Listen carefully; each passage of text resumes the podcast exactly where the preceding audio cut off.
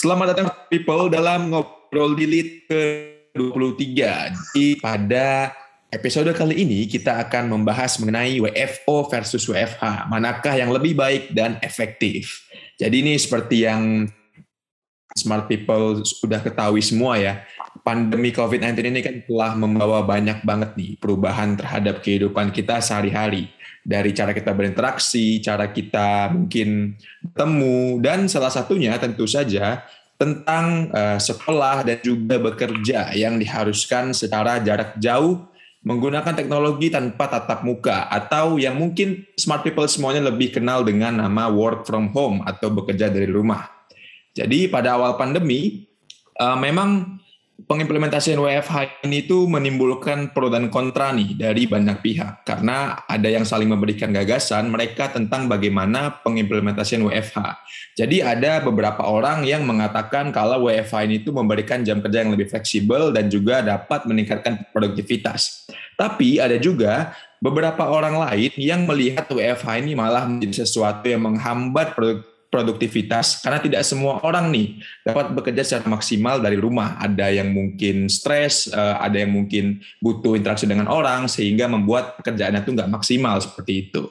Jadi oleh karena itu kita akan membahas nih secara lebih lanjut terkait dengan WFO versus WFA. Kira-kira mana nih yang lebih baik dan juga lebih efektif. Jadi seperti biasa kita akan um, bincang-bincang, ngobrol-ngobrol dengan Mas Adat dan juga Mbak Ines nih. Halo Mas, halo Mbak. Halo. Hai. Oke, jadi mungkin kita langsung aja nih ya Smart People mulai ngobrol-ngobrol kita nih. Ya. Jadi mungkin menurut Mas Adat sama Mbak Ines nih, sejauh ini kira-kira gimana sih Mas Mbak uh, keefektifan dari implementasi WFH? Uh, eh, apa aja nih yang dirasain udah uh, yang udah berubah selama kurang lebih dua tahun pandemi ini, terutama dalam uh, hal bekerja secara remote seperti itu Mas Mbak? Iya, kalau kita ngomongin uh, eh, WFH ya, kita ini kan sesuatu yang mungkin uh, atau pekerjaan secara remote ini ya bekerja dari uh, rumah atau dari mana pun lah gitu kira-kira yang jelas kita nggak masuk kantor 9 to 5 gitu. Secara ini ya secara teknis kita absen di kantor gitu. Itu kan uh, sebenarnya uh, memang baru masif tuh dua tahun belakangan ya do ya. Dan ini ya yeah, nggak sampai dua tahun lah mungkin ketika pandemi lah terutama gitu. Dan ini kan hmm uh, game changer banget gitu. Uh, ketika COVID datang, orang uh, merasa kayaknya nggak perlu ke kantor, kita bisa kerja gitu. Hmm. Uh, di mana pun berada. Nah memang ini kalau dibahas uh, keefektifan, ke, ke, keefektivitan, efektivitasannya gitu, itu uh, tentu saja ada pro kontra ya. Eh, masing-masing semuanya punya pendapat masing-masing. Tapi kalau aku pribadi sebenarnya menurutku uh, eh, WFH memang secara uh, waktu pengerjaan bagiku pribadi itu sangat uh, lebih efektif gitu WFH. Hmm. Lebih efektif karena uh, memang pekerjaanku menunjang untuk itu. Nah ada beberapa orang yang mungkin merasa ini tidak efektif karena pekerjaannya memang membutuhkan komunikasi dengan uh, apa namanya mitra-mitra kerja lain gitu yang satu yeah, kantor. Betul. Nah ini akan problem memang ketika tidak berada dalam satu ruangan gitu model kerja yang seperti itu karena kan dalam kantor yang besar misalnya uh, menurutku WFH ini menjadi sebuah uh, apa ya momok juga karena mereka harusnya bisa ketemu di kantor meeting di kantor gitu punya ruangan meeting di hmm. kantor tapi uh, mereka harus create uh, ruang zoom dan lain-lain belum kalau ada misalnya pema, apa pengecualian kalau misalnya oh, ini ada rapat, ini ada rapat. Sehingga memang kalau dibahas e, dari sisi yang mungkin kantor-kantor besar ya, keefektivit keefektivitasan ini menjadi cukup rendah. Karena mereka butuh untuk ngobrol bareng di kantor. Meskipun itu nggak ada alasan ya sekarang dengan teknologi yang luar biasa Zoom itu improve-nya luar biasa banget dalam satu setengah tahun terakhir gitu. Baru platform Zoom. Belum kita bicara Webex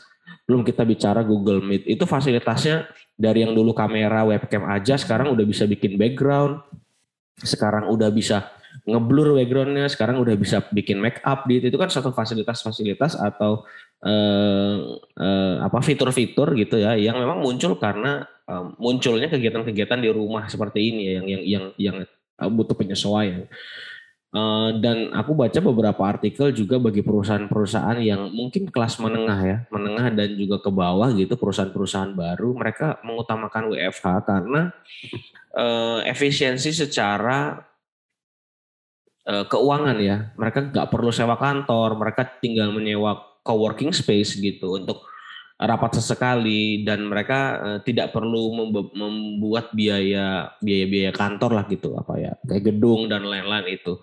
Internet gedung fasilitas makanan dan lain itu dikurangin dan langsung di, dibayarkan ke ke eh, pegawainya secara langsung yang yang memang terserah kamu kalian mau kerja dari mana deh Nah itu itu itu menurutku salah satu uh, bentuk perubahan yang paling nyata dan memang membuat menurutku WFH ini jauh lebih efektif, terutama dalam satu setengah tahun terakhir. Memang uh, tentu saja pasti ada pro kontra ya uh, bekerja semacam ini dan tentunya teman-teman juga ngerasain lah uh, apa namanya hal-hal ini menjadi salah satu kesulitan juga ketika misalnya eh, jam kerjanya tidak teratur dan lain-lain. Ini mungkin bisa kita kita obrol lebih lanjut. Aku nggak tahu Ines menurut Ines UEFA atau WFO tim tim UEFA atau WFO nih kalau Ines? Aku tim WFH juga sih. Hmm. Kalau aku lebih ke arah, uh, misalnya kalau Mas Adat kan ngomonginnya yang fakta dan terjadinya hmm. gitu kan. Terus uh, alhamdulillah pekerjaan kita itu kan menunjang emang kita untuk WFH. Betul. Nah tapi aku pribadi apa pun pekerjaannya aku lebih suka WFH karena aku adalah model manusia yang baru bisa kerja kalau malam-malam buta. Hmm. Jadi hmm. kayak dulu tuh ya waktu aku lagi WFH di kantor swasta, aku adalah tipe yang akan ya udah di kantor aku nyusun tuh apa yang akan aku kerjaan nanti malam terus aku tidur aku main gitu loh. Baru sampai rumah aku kayak istirahat dari commuting time karena aku commuting time-nya satu setengah jam. Terus habis itu ya udah bangun kerja gitu. Hmm. jadi dari waktu kayak jam biologi aku memang mendu lebih mendukung aku untuk kerja tuh malam. Jadi aku lebih seneng WFH soalnya kalau misalnya aku WFO tuh di kantor tuh yang nggak ngapa-ngapain juga. Jadi orang kayak ih kok dia nggak kerja? gitu. Sementara kalau di rumah aku paginya nggak ngapa-ngapain kan orang nggak tahu juga gitu Ya betul betul. Uh, ini ya le sebenarnya lebih simpel uh, kalau WFH itu mungkin lebih karena kita bisa mengatur waktu kita juga ya di di rumah dan lain-lain. Kadang-kadang uh, kalau di kantor tuh kan emang kebuang waktunya cukup banyak ya kalau aku pribadi ya kebuang waktunya iya. untuk ya cerita-cerita makan siang ya itulah sering-sering diparodikan sama uh, beberapa selebgram atau tiktokers ya gimana kalau kerja di kantor itu uh, waktunya habis untuk hahi ke kebanyakan gitu ya maksudnya untuk makan siang dan lain-lain padahal kalau WFH kita bisa jauh mengerjakannya sesuai dengan uh, keinginan kita Aldo lebih memilih mana dok WFH atau WFO dok kalau aku sih sebenarnya ini mas, uh, rada ini ya. Kalau aku emang tipe orang yang butuh interaksi sama orang gitu mas. Jadi hmm. makanya aku mungkin lebih condong ke WFO. Ya, ya, ya. Jadi kayak aku emang apa ya mas, uh, merasa kalau misalnya aku WFH gitu lebih cepet ini mas, lebih cepet stres mungkin ya mas ya. ya jadi ya, kayak ya. misalnya kan kalau misalnya dulu masih di kampus gitu mas, jadi kan ketemu orang, ketemu teman-teman juga Betul. Dan menurutku lebih apa ya? Itu ada sensasinya gitu, bukan sensasi sih, lebih ke uh, relax gitu ya mas. Maksudnya kita bisa ngobrol langsung kita bisa tatap muka langsung uh, maksud makan-makan yang tadi seperti mas Adat bilang.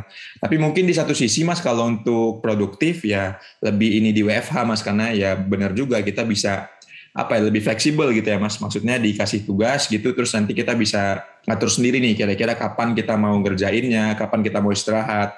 Dan juga mungkin kalau WFH menurutku pribadi ya mas eh, lebih gampang buat istirahat gitu ya mas jadi misalnya kita capek ya kita bisa take a break dulu mungkin bisa tidur sebentar eh, setengah jam gitu kan kalau di kantor itu hal yang nggak bisa dilakuin ya mas jadi ada plus minusnya tapi aku lebih condong ke WFO sih mas sebenarnya Oke, karena karena itu tadi ya, karena alasan perlu interaksi dengan orang lain ya. Ya memang iya, ini betul, ini ini juga jadi salah satu persoalan yang menurutku bisa kadang kadang-kadang orang butuh untuk memang ngobrol bareng yang lain. Ini makanya aku bilang tadi mungkin pada sebagian kantor uh, interaksi itu juga penting untuk menunjang pekerjaan mereka gitu. Untuk paling nggak hmm. untuk sharing oh kira-kira ini gimana ya? Dan itu bisa lebih selesai langsung gitu. Kadang-kadang nggak tahu ya feelingnya aja.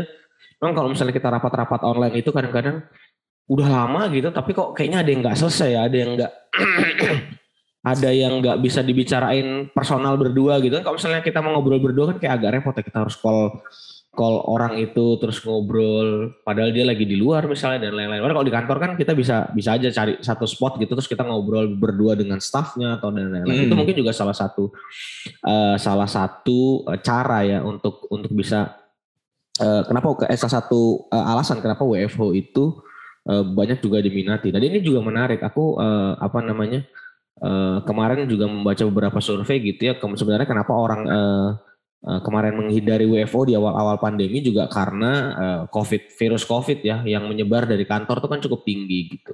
Iya benar mas. Uh, kalau disurvei dari uh, apa namanya uh, uh, ketika awal-awal pandemi itu orang-orang takut karena takut kena virus lah di kantor gitu. Tapi sekarang uh, belakangan orang pingin balik ke kantor lagi karena merindukan uh, suasana kantor gitu. Ini juga agak-agak agak-agak lucu gitu. Padahal uh, sudah berjalan satu tahun, maksudnya sudah berjalan satu tahun setengah, kemudian orang-orang kayaknya kurang deh kalau kerja di kosan aja gitu, kayaknya kurang deh kerja di kafe aja. Kadang-kadang kerja kerja sama orang random juga, nggak tahu siapa gitu. Iya benar mas. Merasakan ini juga ketika misalnya kita lagi di luar gitu, ini orang di sebelah ngomongin soal misalnya karyawan Gojek nih, ngomongin soal kerjaannya di Gojek, terus aku ke, ke, kerjaanku di kananku orang ngomongin yang lain, jadi kayak ini kok kayaknya rame banget di, di kanan kiri. Semuanya orang kerja dan ngomonginnya beda-beda semua. Tapi menarik ketika misalnya eh, sebenarnya kita bisa juga kenalan sama orang-orang baru ya di di di kafe di kafe-kafe tersebut. Nah, yang yang juga mungkin ini butuh pandangan teman-teman ya, apakah benar atau enggak? Kalau misalnya sebenarnya WFH dan WFO ini juga bergantung sama eh, mereka single atau enggak gitu atau sudah berkeluarga atau enggak? Karena menurutku ya ini pendapatku sih. Karena menurutku yang yang orang-orang yang single gitu pasti prefer untuk WFH tapi kalau yang berkeluarga rasaku pasti milih WFO karena pasti pusing banget itu di rumah kalau misalnya udah ada anak ada istri dan lain-lain. Ehm, eh, kayak menyatukan pekerjaan dengan eh, kehidupan rumah tangga itu menurutku nggak gampang juga. Menurut teman-teman hmm. gimana? Ines mungkin gimana? Bukan nggak gampang lagi sih mas. Memang susah. Gitu.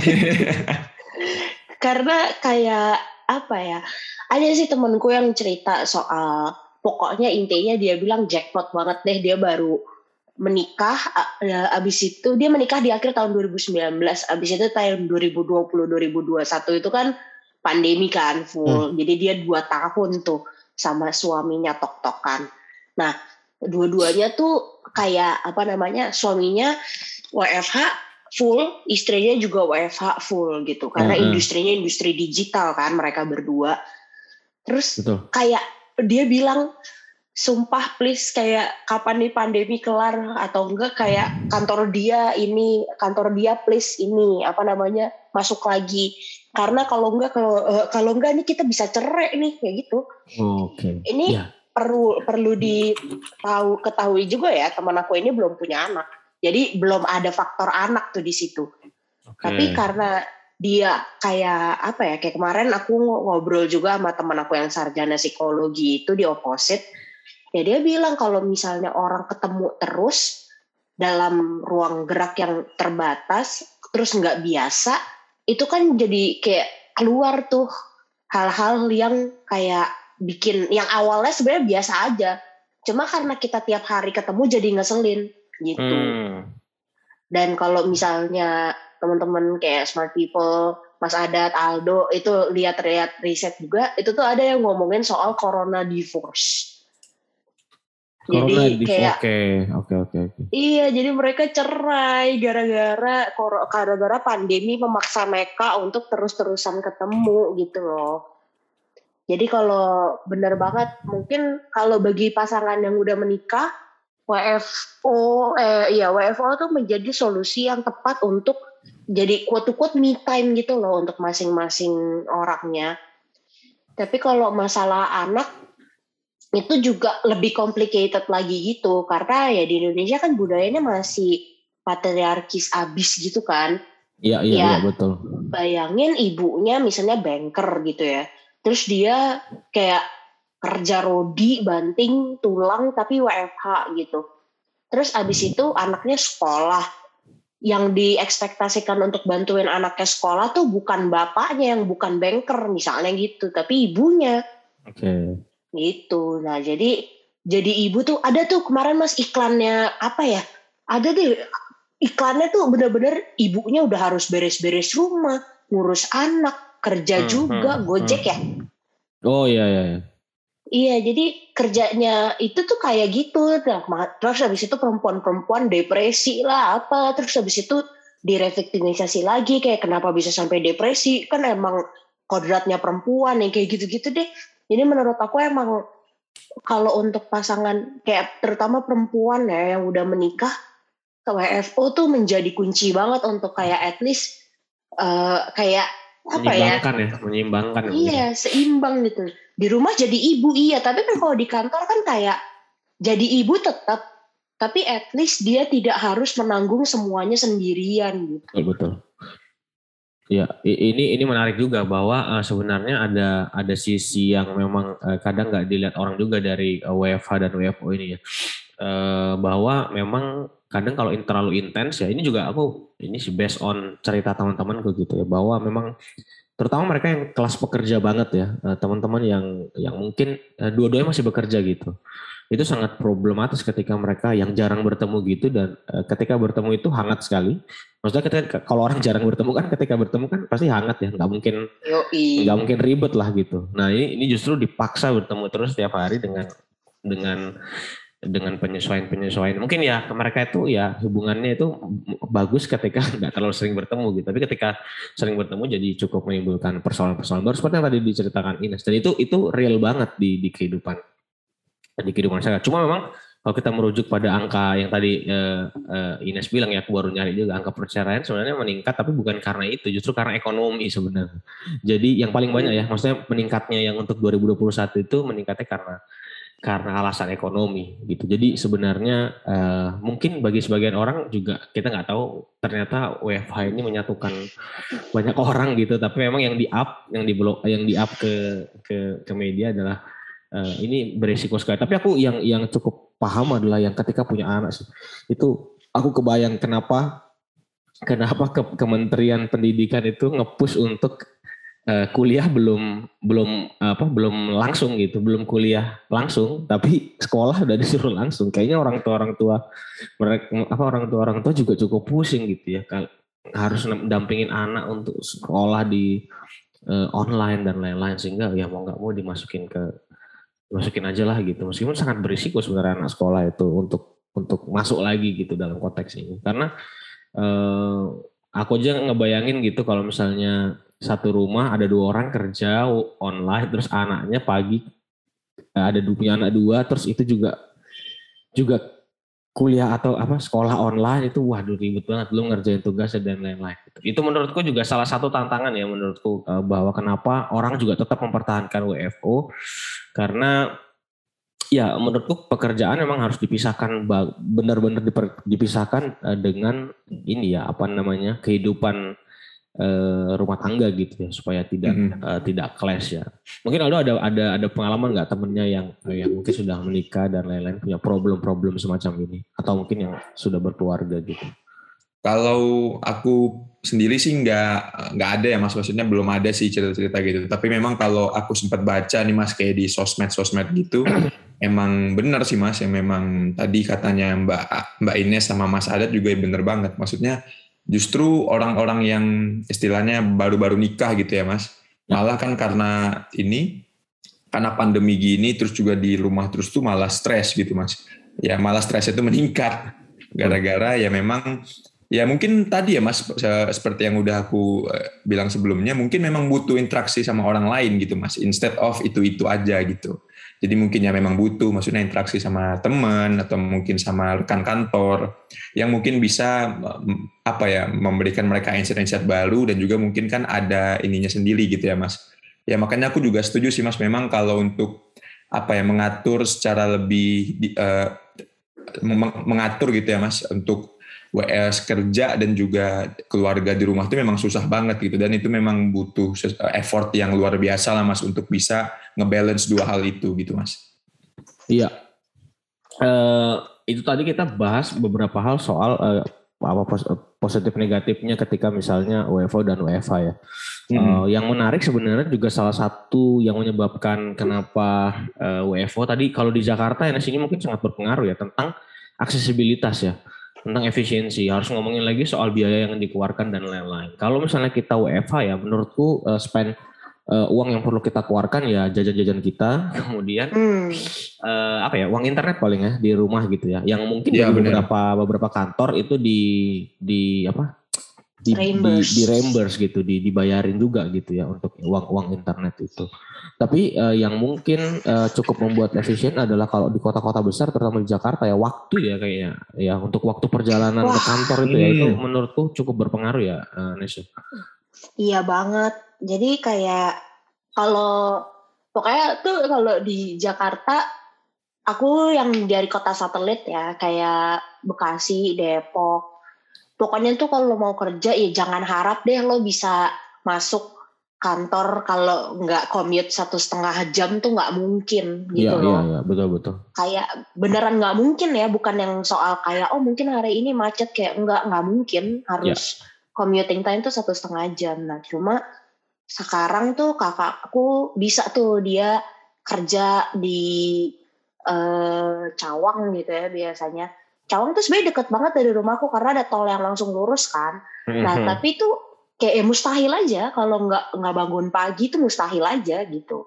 Nah cuma sekarang karena ada WFH ini ya rata-rata dia bisa tuh berangkat cuma setengah jam sebelum kayak gitu. Nah itu walaupun kayak gitu masih tetap harus jauh ya karena di Jakarta tuh semuanya jauh.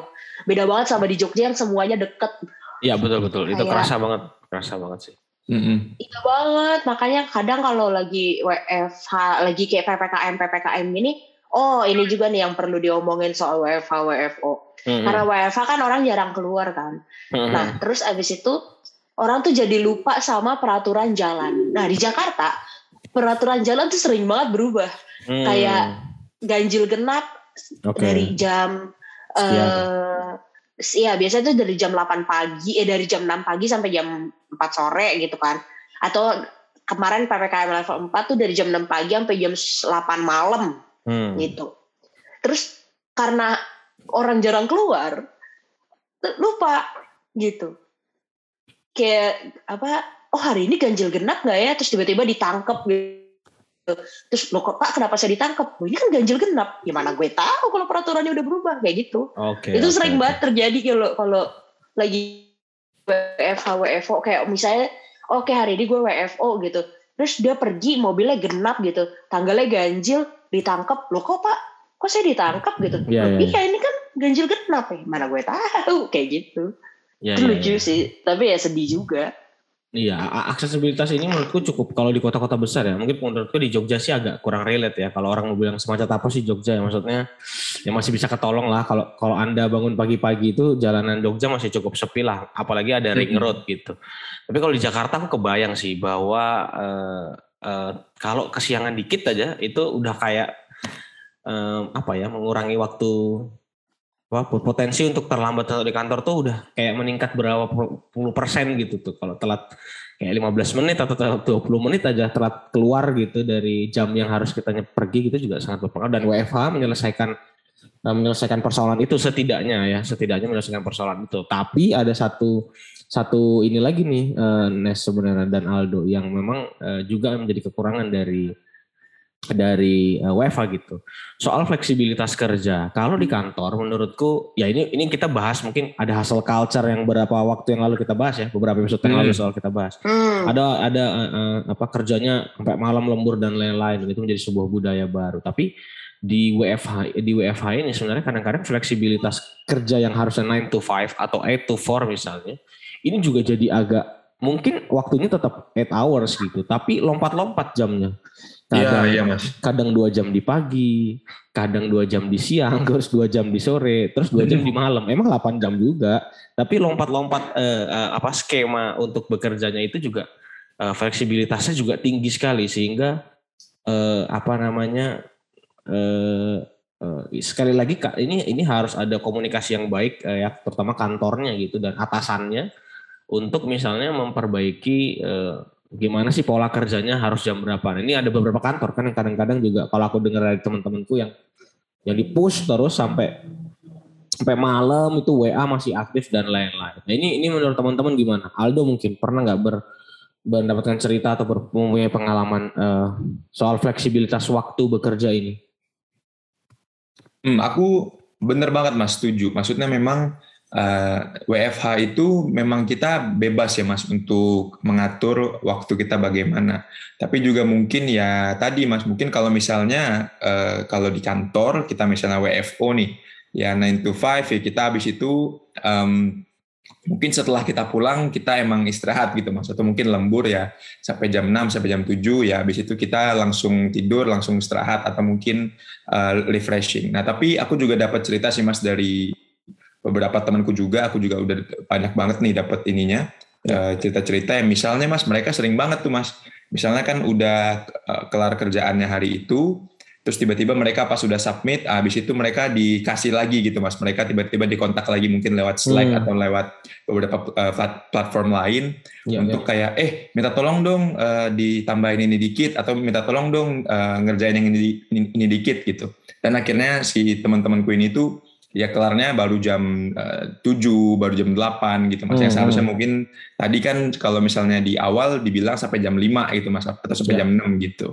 Nah memang apa ya mas itu mungkin jadi ini ya mas mungkin ada apa ya ada kayak pikiran kalau ya kalau WFH ya emang kan ya di rumah aja gitu mas makanya ya misalnya ada kerjaan tambahan dikit ya itu mungkin fair fair aja dong gitu mungkin ada pemikiran seperti itu gitu ya mas ya, yang ya. akhirnya membuat kalau ya lebih-lebih waktu dikit ya memang kalau di WFH ya memang udah wajar aja gitu mas ya kalau dari aku sih mungkin mikirnya gitu ya mas Iya iya iya ini ya jadi kayak mungkin ya udahlah nggak karena karena kita di rumah juga gitu ya jadi nggak apa-apa gitu. Nah iya mas nah, benar benar. Gitu. Ines gimana menurut Ines? Hmm, menurutku sih itu tergantung banget sama kayak kultur kantornya ya. Kalau kultur kantornya memang quote kayak gitu yang apa namanya palu gada gitu ya. Oh lo ada waktu nih gue kasih yang kayak kayak gitu-gitu. Ya akan ya WFH WFH sama aja sih. Di kantor hmm. dia juga akan di kayak gitu terus kan. Kayak misalnya kelihatan nih Aldo di kantor main game gitu ya. Terus eh gue liat lo free nih. Eh bantuin ini dong bantuin ini dong bantuin ini dong. Terus abis itu kick in adalah masalah besarnya orang Indonesia kebanyakan yaitu nggak enakan kayak gitu kan. Nah itu tuh menurut aku deadly combination aja gitu nggak sih untuk setiap uh, kantor ya, apa setiap orang kantoran gitu kelas-kelas pekerja. Cuma kalau yang kantornya emang kulturnya bukan tipe yang uh, ya kalau udah selesai ya udah selesai gitu. Ya nggak akan ngaruh. Misalnya nih dia WFH hmm, terus ya, ya, ya, jam sepuluh jam tiga sore dia udah selesaiin semuanya gitu ya. Ya kalau oke okay, thank you you're done for the day. Kalau kultur kantornya kayak gitu ya ya udah. Dia akan mau WFH kayak mau WFO kayak ya biasa aja gitu. Nah cuman kalau yang menurut aku pribadi ya kantor di Indonesia tuh apalagi startup tech ya hmm. itu tuh jatuh ke yang pertama aku ceritain gitu Iya. Yeah. Kayak semuanya kayak nggak boleh santai Terus yang produktivitas tuh dilihat dari seberapa banyak yang lo kerjain gitu. Padahal ya kayak ya ya enggak gitu loh. Hmm. Ya ya ya betul juga. Uh, ya itu tadi kalau misalnya kita ya itulah apa namanya beda memang beda-beda ya tergantung sekali lagi tergantung dengan uh, kantornya juga dengan atasannya juga kembali ke awal tadi bahwa um, kalau misalnya kita bicara soal WFO WFH yang ada kaitannya dengan jam kerja itu juga ya kadang-kadang juga bisa terjadi di mana ya di kantor WFO juga kayak gitu. Cuma menurutku memang kalau di WFH uh, eh, potensinya lebih besar karena tekanannya tidak bertemu langsung itu loh kayak nyuruh-nyuruh hmm. via WA itu kan kadang-kadang agak lebih ringan aja ya ketimbang ketemu langsung. meskipun itu secara secara personal mungkin eh, ya beda-beda lah gitu ya eh, setiap setiap orang eh, ininya. Nah ya ini mungkin yang terakhir yang perlu eh, kita kita bahas bersama yaitu terkait dengan eh, bagaimana tingkat stres eh, dalam pekerjaan WFO dan WFH ini perbedaannya seperti apa gitu. Kalau menurutku ini pendapat awalku gitu ya uh, bahwa WFO sebenarnya uh, memang ya agak sedikit aku pribadi ya lebih stressful ya. Karena ya itu tadi ekosistemku itu terbentuknya di tempat yang mungkin bukan di kantor gitu ekosistem kenyamanannya gitu ya. Jadi ketika di kantor itu kayaknya aduh agak meskipun bertemu banyak teman-teman itu juga menghilangkan stres ya. Tapi tekanan pekerjaannya dibawa pulang ke rumah akhirnya karena pekerjaan di kantornya nggak selesai justru kalau aku pribadi. Karena memang eh, kadang tipikal orang yang mungkin agak sulit mengerjakan pekerjaan di kantor gitu. Sehingga eh, justru menurutku WFO justru menyebabkan tingkat stres yang cukup lebih tinggi dibanding dengan WFH. Nah ini kalau menurut teman-teman gitu dari eh, dari Aldo dulu kira-kira mana yang lebih stressful eh, WFO atau WFH kalau menurut Aldo? Dari sistem mungkin dari jumlah pekerjaan yang sama terus pekerjaannya juga sama gitu. Mana kalau menurut Aldo dari dua hal tersebut lebih hmm. Kalau menurutku ya Mas, karena balik lagi Mas, aku tipe orang yang memang butuh ngomong sama orang, interaksi sama orang, menurutku lebih stressful. Apalagi kalau misalnya kerja di kosan ya Mas, bukan di kafe gitu ya. Menurutku okay. lebih stressful tuh yang WFH Mas. Okay. Jadi misalnya kita nih emang kerja sendiri di kamar gitu, terus uh, kita nggak ada keluar, nggak ada ke mana-mana, wah itu menurutku ini banget sih apa ya Mas, bawaannya suntuk gitu Mas bawaannya tuh uh, apa ya kayak uh, suntuk aja gitu. Nah tapi mungkin mas kalau misalnya stres ketika WFO mungkin lebih ke ini ya mas mungkin ada tekanan langsung misal sama atasan gitu mas. Hmm. Jadi misalnya uh, kerjaan kita ada yang uh, kurang cocok atau kurang sesuai terus kita kasih terus tiba-tiba kita mungkin ditegur atau kita dimarahin. Nah itu kan mungkin akan menimbulkan stres juga gitu ya mas. Ya, Dan ya, juga mungkin ada apa ada tekanan ketika misal Eh, kita WFH nih, kita terus uh, presentasi mungkin ke klien atau ke atasan, itu kan tekanannya lebih ini ya mas, lebih bisa dikontrol dibanding kita harus langsung ke kantor, yang kita hmm. harus langsung menyiapkan materinya, kita harus secara langsung presentasi, itu kan mungkin bagi beberapa orang lebih stressful gitu mas. Jadi kayak kalau menurutku sih uh, stresnya itu ber berbeda gitu ya mas, jadi ada yang mungkin lebih stres ketika dia WFH, ada yang mungkin lebih stres ketika dia WFO, tapi karena balik lagi aku uh, tipe orang yang butuh interaksi sama orang, butuh untuk catch uh, catching up sama orang, butuh untuk ngobrol-ngobrol ya berarti aku mungkin ya. lebih stres kalau kerjanya WFH gitu Mas dibanding WFO. Di situ justru uh, justru untuk apa stress release-nya ya bertemu dengan teman-teman ya kalau misalnya Aldo. Ah iya Mas benar-benar. Untuk WFO gitu ya. Nah kalau Ines gimana Ines? Yang mana nih? Aku uh, aku sih jujur aku lebih stres kalau misalnya kerjanya WFH sih. Walaupun oh, gitu. aku juga introvert, walaupun mm-hmm. aku juga bukan introvert ya, aku ambivert. Tapi kalau aku lagi in, lagi introvert tuh aku aku tetap stres kalau kerja di rumah karena ada dua faktor sih menurut aku. Yang pertama, kalau misalnya di rumah kan berarti eh, kadang tuh aku suka tidak menyadari eh, berjalannya waktu gitu loh. Okay. Kayak loh kok tiba-tiba udah jam 4 sore? Terus kayak hmm. misalnya ibuku tiba-tiba nanya kayak Nes kamu besok bisa temenin nggak? Kayak besok besok tuh hari apa? Gitu. Besok Jumat. Terus kok kayak aku kira ini hari Selasa. Gitu. Kayak itu bikin aku itu bikin aku stres banget. Tidak bisa ya, menginikan okay. waktu tuh. Walaupun kayak ya kalau kita lihat HP kan langsung ada tulisannya kan ini hari apa tanggal berapa tapi kadang berjalannya waktu tuh kayak hilang gitu di aku betul. Uh, uh, karena di rumah aku, iya begitu-begitu aja terus kan, gitu. Nah kalau faktor kedua adalah sama kayak Mas Adat, aku adalah tipe orang yang kayak kalau masalah kantor, aku bisa tuh bener-bener cuma ditinggalin di kantor aja. Misalnya nih aku habis berantem hebat sama bos aku apa segala macam di kantor, ya. terus abis itu kayak aku pulang, ya udah aku nggak peduli gitu kayak ya udah aku ya. pulang ngapain main kayak okay, ya okay. bukan urusan aku menurut aku itu bukan urusan aku detik ini itu adalah urusan besok gitu. Oke. besok baru gue pikirin itu gue habis berantem sama bos gue di kantor gitu. Nah, tapi begitu aku keluar kantor itu bukan urusan aku gitu. Nah, tapi jalanan kayak WFH kan berarti kan di rumah nempel terus, terus ya? gitu. Iya. Uh -uh, nempel terus. terus terus aku merasanya itu agak nggak adil dalam uh, sistem relasi kuasa.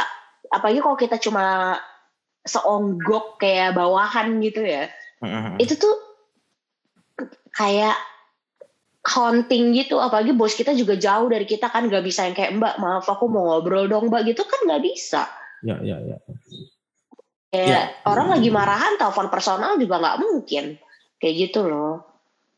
Banyak terlalu banyak hal-hal yang uh, menurut aku kalau di WFH tuh semuanya dijamasukin ke dalam satu pot gitu makanya mau aku introvert atau mau extrovert aku stres kalau WFH karena tidak bisa memberi tidak tidak bisa mengkompartmentalize gitu compartmentalize semua hidup aku dengan rapi gitu padahal seharusnya kan kayak gitu ya di kantor di kantor kerja sementara di luar di luar lagi sama keluarga ya sama keluarga sama temen ya sama temen kan kayak gitu karena harusnya ya tapi kalau lagi WFH nggak bisa karena semua mua muanya ada di situ Terus ada hmm. juga nih yang aku sampai kayak menurut aku friendship aku agak strain juga gara-gara nggak bisa ketemu.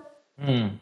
Iya, iya. Kayak ya biasanya kan grup ciwi-ciwi nggak ngapain sih ketemu juga nggak ngapa-ngapain. Kali ngobrol nggak gosip ngomongin skincare kan kayak gitu. Terus ya, ya, ya. kita pernah mencoba untuk yaudah kita pakai zoom deh hangout gitu. Zoom ya. hangout ya? untuk ngobrol-ngobrol ngalor ngidul aja. Nggak asik karena ada ada yang kayak sorry ya guys gue sambil kerja terus mute hmm. bener-bener nggak ngomong sama sekali selama lagi hangout betul ya menurut kok itu hmm. kayak ya lo ngapain hangout kalau kayak gitu gitu loh ya ya ya. Beda lah feelnya tuh beda ya. Ketika kita nggak ketemu langsung itu memang selalu ada sesuatu yang berbeda gitu ya. Maksudnya kayak kamu negur juga, kalau misalnya kita ketemu langsung kan misalnya ada yang kebanyakan main HP tuh, itu negur kan kayak, taruh dulu HP-nya, cuk, taruh dulu ini gitu gitu kan. Iya iya iya, benar Taruh dulu HP-nya gitu. Tapi ketika kita di online kan ya udah sih itu ya, emang emang gak asik dan aku mengakui itu kalau untuk itu aku sangat sangat mensupport uh, pertemuan langsung gitu ya. Dan memang itu hmm. salah satu keunggulan WFH adalah interaksi sekali lagi interaksi itu bagi sebagian orang mungkin ada yang mungkin menghindari interaksi, tapi mayoritas orang memang sangat sangat membutuhkan interaksi untuk uh, tadi Aldo bilang stress release untuk memenuhi kebutuhan sosial ya. Uh, apa namanya? Terutama ya kalau kita kayak main The Sims kan ada interaksi itu kan sosial hmm. yang kayak bar-bar yang sosial tuh yang harus dipenuhi jadi hijau kalau lama nggak interaksi kan merah dan stres juga dia sebagai manusia gitu dan ini menarik. Nah ini mungkin sebagai penutup uh, kita uh, aku apa uh, mungkin teman-teman juga punya saran bagaimana cara uh, kalau misalnya WF uh, WFH ini yang baik atau yang paling tidak uh, bisa meringankan uh, stres tingkat stresnya apabila WFH tadi seperti teman-teman yang punya punya problem misalnya uh, di rumah atau ketika WFH lebih stres gitu. Nah, kalau aku pribadi sebenarnya sekali lagi ketika misalnya WFH itu di rumah berusahalah untuk ngomong ke ini ya ke atasan atau ke kantor bahwa ada jam-jam yang memang kita nggak mau diganggu dan perlu tahu orang kantor bahwa kita nggak bisa diganggu di jam-jam itu misalnya selepas jam 6 atau selepas jam 7 mungkin maksimal gitu ya karena menurutku juga harus ada penyesuaian uh, jam gitu ya uh, untuk pekerjaan atau setelah setelah jam 5 nggak bisa dikontak untuk membicarakan pekerjaan gitu. Hmm. Uh, yang kedua mungkin juga uh, interaksi di luar tadi seperti yang Ines bilang uh, interaksi dengan teman-teman itu memang perlu juga dilakukan meskipun ini Covid juga ya. Tapi menurutku ya selalu ada celah untuk bertemu orang lain lah ketika Covid ini, Mak. Uh, dengan dengan kondisi negara kita yang aturannya berubah-berubah gini selalu ada cara lah gitu kira-kira Eh, untuk berinteraksi dengan orang itu sangat diperlukan karena tentunya eh, dengan hampir dua tahun kita WFH ini eh, kehidupan sosial pasti semua orang kacau banget. Benar. Uh, semuanya menurutku semua orang kacau banget ya. Paling yang bisa kita interaksi itu beruntung yang sudah yang maksudnya beruntung sekali orang yang berada tinggal sama keluarga gitu yang tidak merantau, tidak sendiri itu beruntung sekali karena mereka punya keluarga di sekitarnya gitu untuk cerita, untuk sharing dan lain-lain tanpa harus keluar rumah. Tapi juga kadang-kadang ada kebosanan dan perlu juga ngajak teman keluar setidaknya untuk ngopi atau apa pun bentuknya gitu untuk ya setidaknya melepas sekali lagi itu stress release, kemudian untuk memberikan pandangan baru, mungkin informasi-informasi baru yang mungkin nggak bisa didapetin di grup-grup WhatsApp yang jumlahnya banyak sekali itu grup-grup WhatsApp yang entahlah hmm. ada grup WhatsApp apa, grup WhatsApp apa yang setiap menit atau setiap jamnya itu ada aja yang ngirim konten-konten lucu mungkin seperti itu. Nah itu mungkin dua tips dari aku pribadi. Mungkin teman-teman ada tambahan? Ines dan juga Aldo. Hmm, mungkin kalau dari aku sih mas lebih ini mas, bagaimana cara kita bisa mengatur ini mas mungkin ya uh, jam kerja kita gitu mas. Jadi okay. kalau menurutku pribadi nih, jadi misal kita dikasih tugas, kita pastiin dulu nih mas, ini kira-kira uh, dimintanya kapan nih, deadline-nya kapan. Nah, hmm. nanti seandainya memang oh kita hari ini ada tiga tugas, deadline-nya jam segini segini segini. Nah, itu kan kita bisa ngatur ya, Mas. Ya. Maksudnya oh uh, dari jam 9 sampai jam 11 aku ngerjain ini dulu. Nanti istirahat dulu setengah jam. Nanti habis itu makan jam uh, setengah satu mungkin kita lanjut lagi sampai jam 2 untuk tugas ini. Nanti kita uh, refreshing sebentar, nanti baru kita lanjut lagi jam 3 sampai jam 5 ke tugas yang ketiga gitu. Jadi ya emang harus ada sih mas menurutku di WFH ini break-break seperti itu emang harus ada mas ya. Mungkin kita bisa tidur mungkin ya setengah jam atau mungkin kita bisa refreshing hal yang lain ya mungkin ya. dalam kurun waktu yang singkat gitu ya mas. Ya mungkin 15 menit atau 20 menit uh, atau mungkin stretching gitu mas. Karena kita mungkin setiap jam lihat laptop terus ya kita butuh stretching gitu ya mas. Butuh ya. untuk apa gerakin badan lah ceritanya supaya kita gak, gak aku gitu mas. Nah Betul. terus habis itu um, ini sih mas memang aku juga mikirnya olahraga gitu ya mas olahraga itu penting juga jadi selain uh, ini sama temen ya olahraga juga nggak harus yang berat-berat banget ya mungkin jalan aja apa gimana gitu dan satu lagi interaksi sih eh, interaksi dalam artian misalnya udah uh, bosen nih udah suntuk udah bete banget di kosan ya emang harus keluar kadang-kadang gitu mas emang harus uh, mencari suasana baru hmm, ya mas dipaksakan keluar gitu ya karena kan kita yeah. aduh males banget keluar gitu. Iya mas, bener banget. Emang harus nyari apa ya suasana baru untuk kita bisa ya istilahnya ke refresh lagi dan stres kita pun jadi berkurang gitu mas. Kalau dari aku sih mungkin gitu mas. Ya, Ines mungkin uh, terakhir. Jangan sampai nggak tahu berjalannya waktu guys. Karena lupa waktu. Karena itu ya. parah banget. Uh, uh. Kayak at least bisa lah men-track kayak hari dari kerjaan. Oke, gitu. oke, okay, betul betul. Kadang-kadang juga ini tahun ini juga ini ini mungkin ini ya apa salah satu bagian dari kita uh, ini juga bagian dari pengalaman kita kerja selama setahun ya mungkin ya. Ini kan kita udah udah berada di ujung tahun juga gitu, tahu-tahu gitu ya. Kalau kita kayaknya uh, aku nggak tahu kita episode berapa udah buat podcast ini dan kayaknya udah beberapa bulan gitu dan dan kayaknya berjalan dengan sangat cepat aja ketika misalnya kita uh, di rumah aja terus uh, apa namanya ya ke dalam kondisi yang pekerjaan begini-begini aja gitu uh, flow-nya gitu kan. Itu itu uh, kadang dulu kalau masih muda kita lupa waktunya kalau misalnya kita main di luar gitu ya. Ini kayak lupa waktu kalau dalam kondisi bekerja itu juga ternyata ada juga gitu ya, tahu-tahu udah udah Desember gitu. Udah mau tahun baru lagi gitu. Bener-bener yang secepat banget. secepat itu gitu. Sehingga mungkin ya ini bisa jadi bisa jadi evaluasi juga bisa jadi refleksi juga buat teman-teman.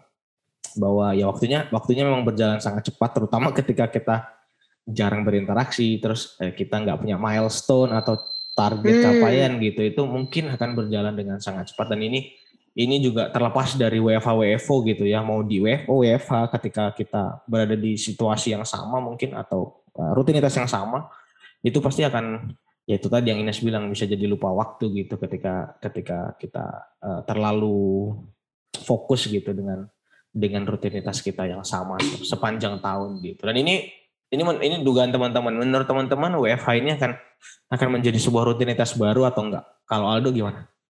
Kalau menurutku enggak, Mas. Enggak ya, tetap kembali ke WFH ketika misalnya nanti uh, pandeminya sudah selesai.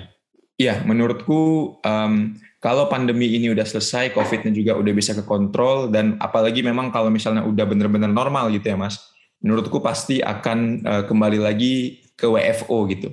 Mungkin ada beberapa company gitu ya Mas yang bisa menerapkan WFH, tapi menurutku untuk mostly mayoritas itu tetap akan uh, melaksanakan WFO Mas. Oke. Okay. Ines? Aku WFH sih. Ah, Kayak WFH. Iya, aku akan aku sih lebih ke arah WFH. Kalau misalnya new normal sekalipun ke kantor tuh cuma tinggal dua minggu sekali aja sih menurut aku. Karena orang menyadari betapa enaknya Betul. kerja di rumah tuh gitu. Iya, betul sekali. Itu itu menurutku betul sekali. Tapi tapi sekali lagi ini perspektif kita masing-masing ya teman-teman ya. Jadi jadi sekali lagi perspektif dari kita yang apakah masih, kita Elon Musk kan nggak ya, mungkin gitu. Perspektif dari kita yang masih single juga nih. Karena yang membuat kebijakan ini kan bukan orang single nih yang ada di atas nih. Ya, punya, benar banget.